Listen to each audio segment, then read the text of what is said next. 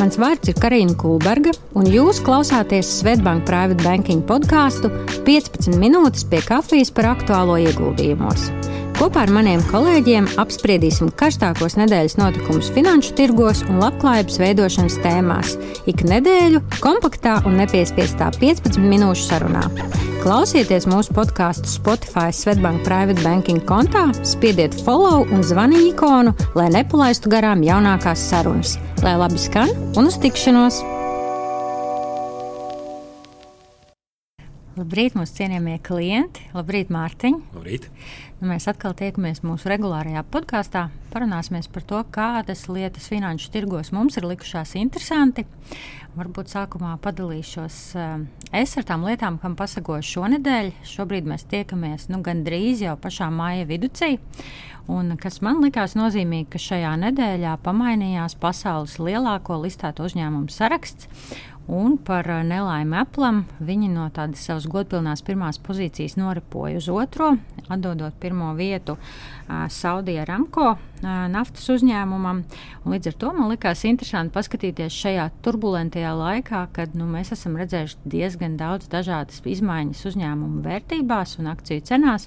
Kā tad ir gājis pasaules lielākajiem uzņēmumiem pēc to tirgus kapitalizācijas, tās sauktās, vai arī tirgus vērtības, ko lielā mērā, protams, nosaka tieši akciju cena. Un kā tas izskatītos tad, ja es varbūt būtu izvēlējusies kaut ko mazliet, mazliet dažādotāku vai diversificētāku uh, terminu, ko lietojam ieguldījumu pasaulē, un izvēlētos kādu no uh, fondiem, nu šajā gadījumā pastījos salīdzinājumā ar Svetbanku Roburu fondiem. Tad mazliet ātri, ātri pārējot pāri tam, kas ir noticis un kādas izmaiņas ir piedzīvojuši pasaules lielākie uzņēmumi pēc to kapitāla vērtības. Kā jau minēju, tad Apple šobrīd ir nu, tādā pozīcijā, kur piedzīvojas diezgan pamatīgu kritumu. Ja mēs skatāmies šodien, tad akcijas vērtība ir kaut kur ap 143 dolāriem. Nu, kas skatoties vienu mēnešu griezumā, ir bijis kritums par 16%, pusgadā jau mīnus 5%, bet nu, gada ietvaros joprojām būtu bijis kāpums par 14%.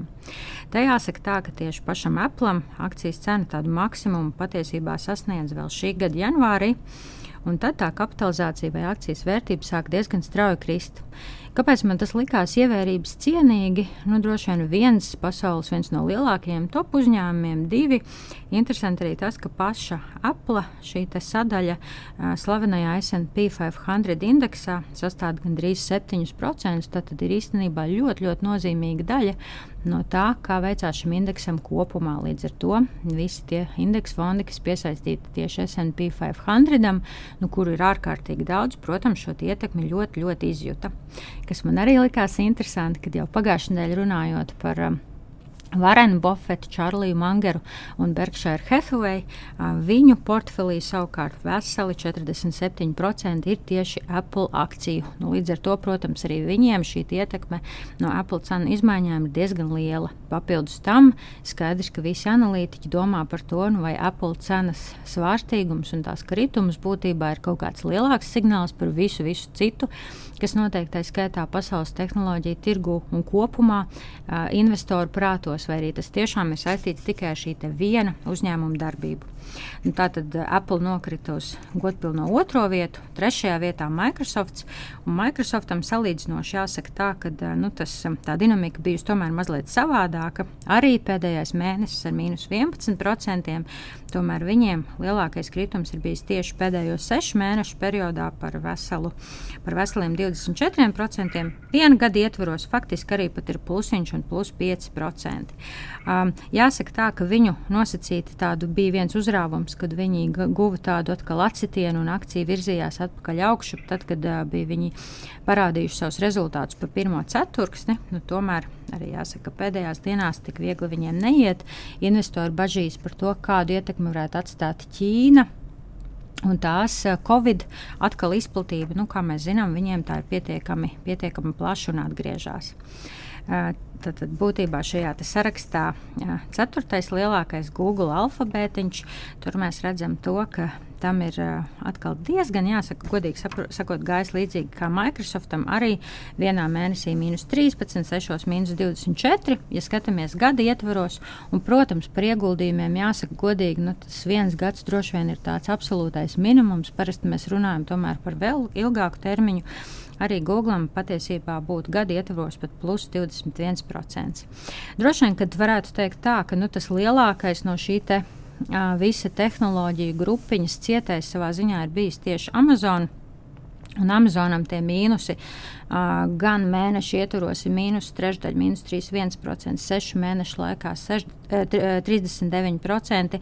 Un būtībā nu, viņi tiek saukti par šo te Covid brīnumu vai Covid laika lielāko vinētāju, tomēr tad, kad viņi par šī gada uh, pirmo ceturksni pateica, ka viņi ir iegājuši zaudējumos pirmo reizi kopš 15. gada. Tirgi tiešām satrakojās.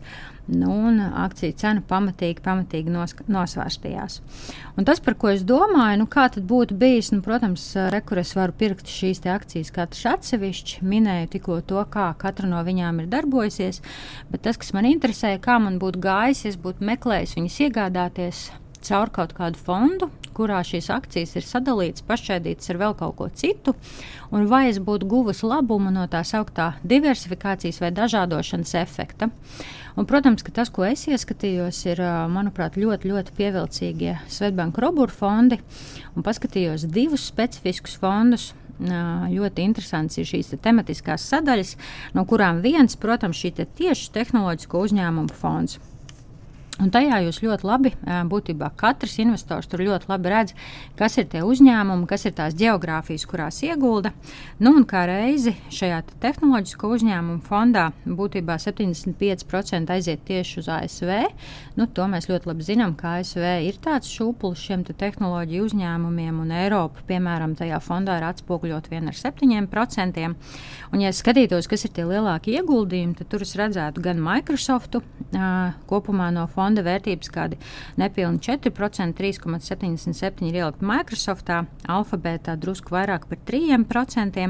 Nu, un paskatoties, kā man būtu gājis, ja es nevis pirktu atsevišķu šo uzņēmumu akcijas, bet uh, pirktu šī fonda daļu akcijas, tad arī varētu teikt, ka būtībā tā darbība būtu bijusi, tā performance būtu bijusi ļoti, ļoti līdzīga tam, ja es vienkārši būtu ieguldījis individuālās akcijās. Mēnešu laikā es būtu pazaudējis kaut kādus 12%, sešu mēnešu laikā tā vērtība būtu kritusies pa 21%. Un kāpēc tie seši mēneši droši vien ir tik izteikti svarīgi?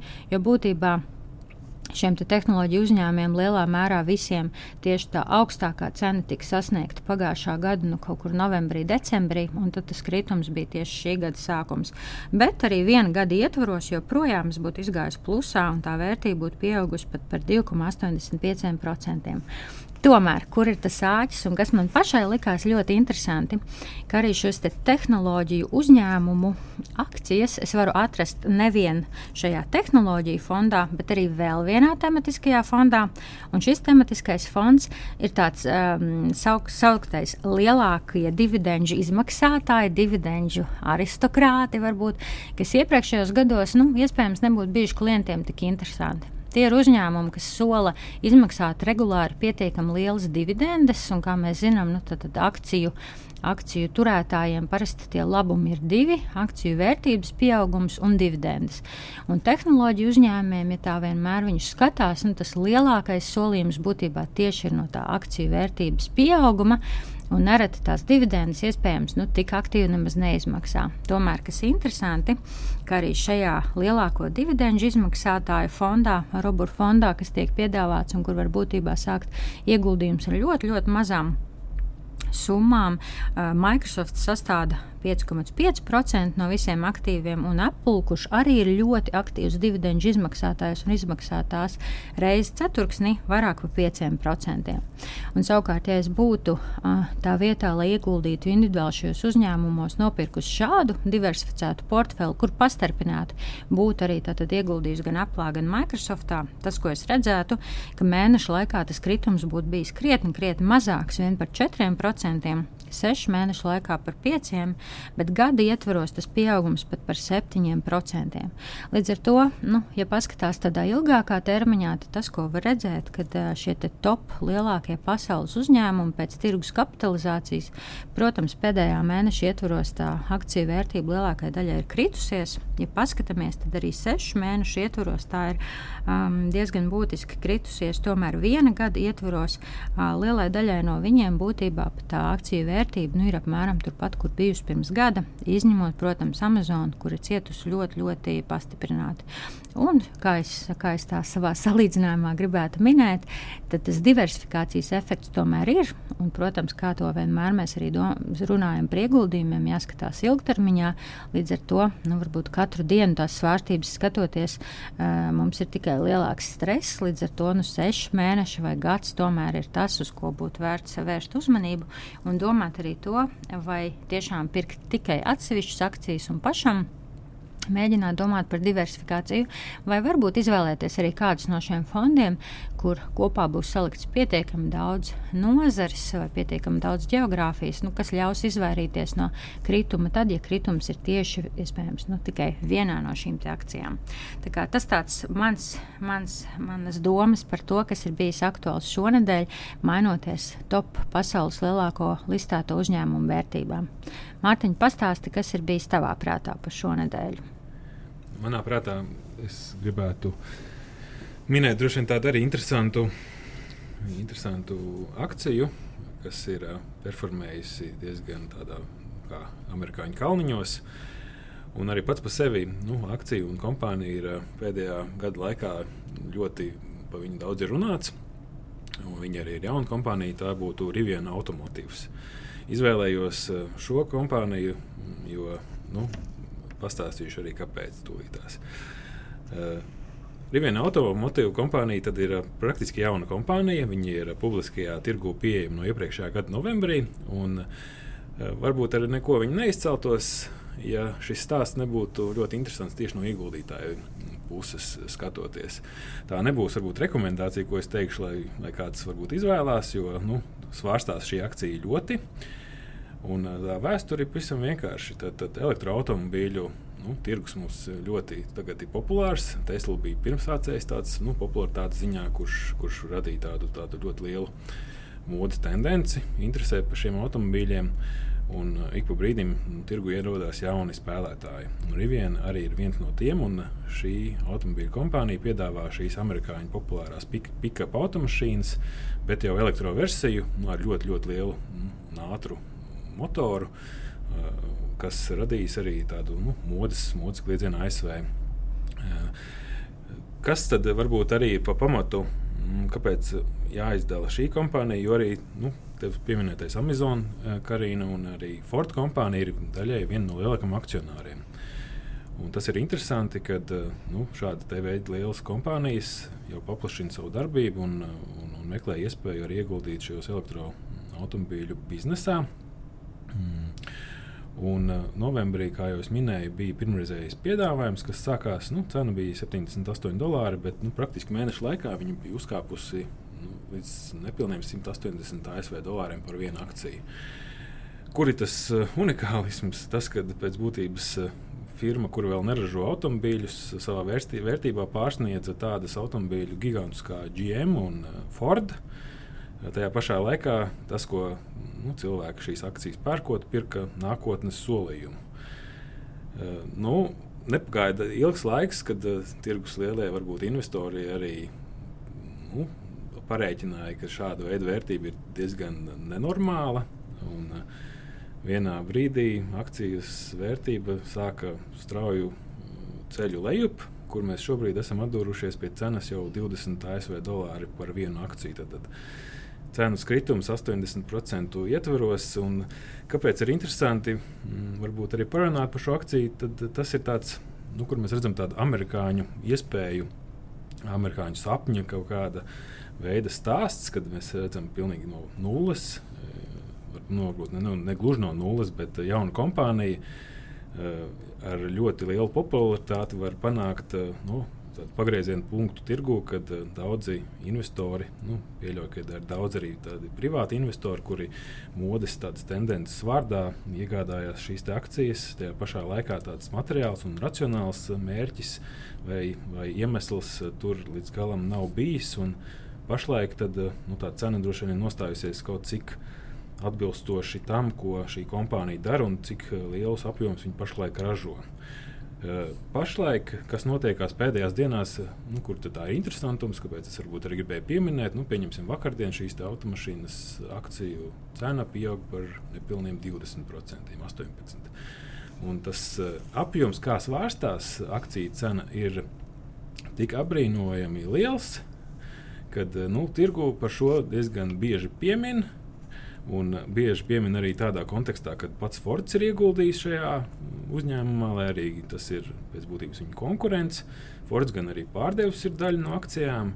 Nu, šis ir viens no tādiem ieguldījumu veidiem, kurus pavērošu tieši kā, nu, gan no psiholoģiskā investora viedokļa, tā, lai saprastu, kā tirgi iet, varbūt ne gluži racionālos brīžos, gan arī no tā, kuros momentos šis te, nu, teiksim, tā, modes kliedziens pārvēršas tādā racionālā aprēķinā, cik tad eh, uzņēmums varētu būt vērtīgs patiesībā.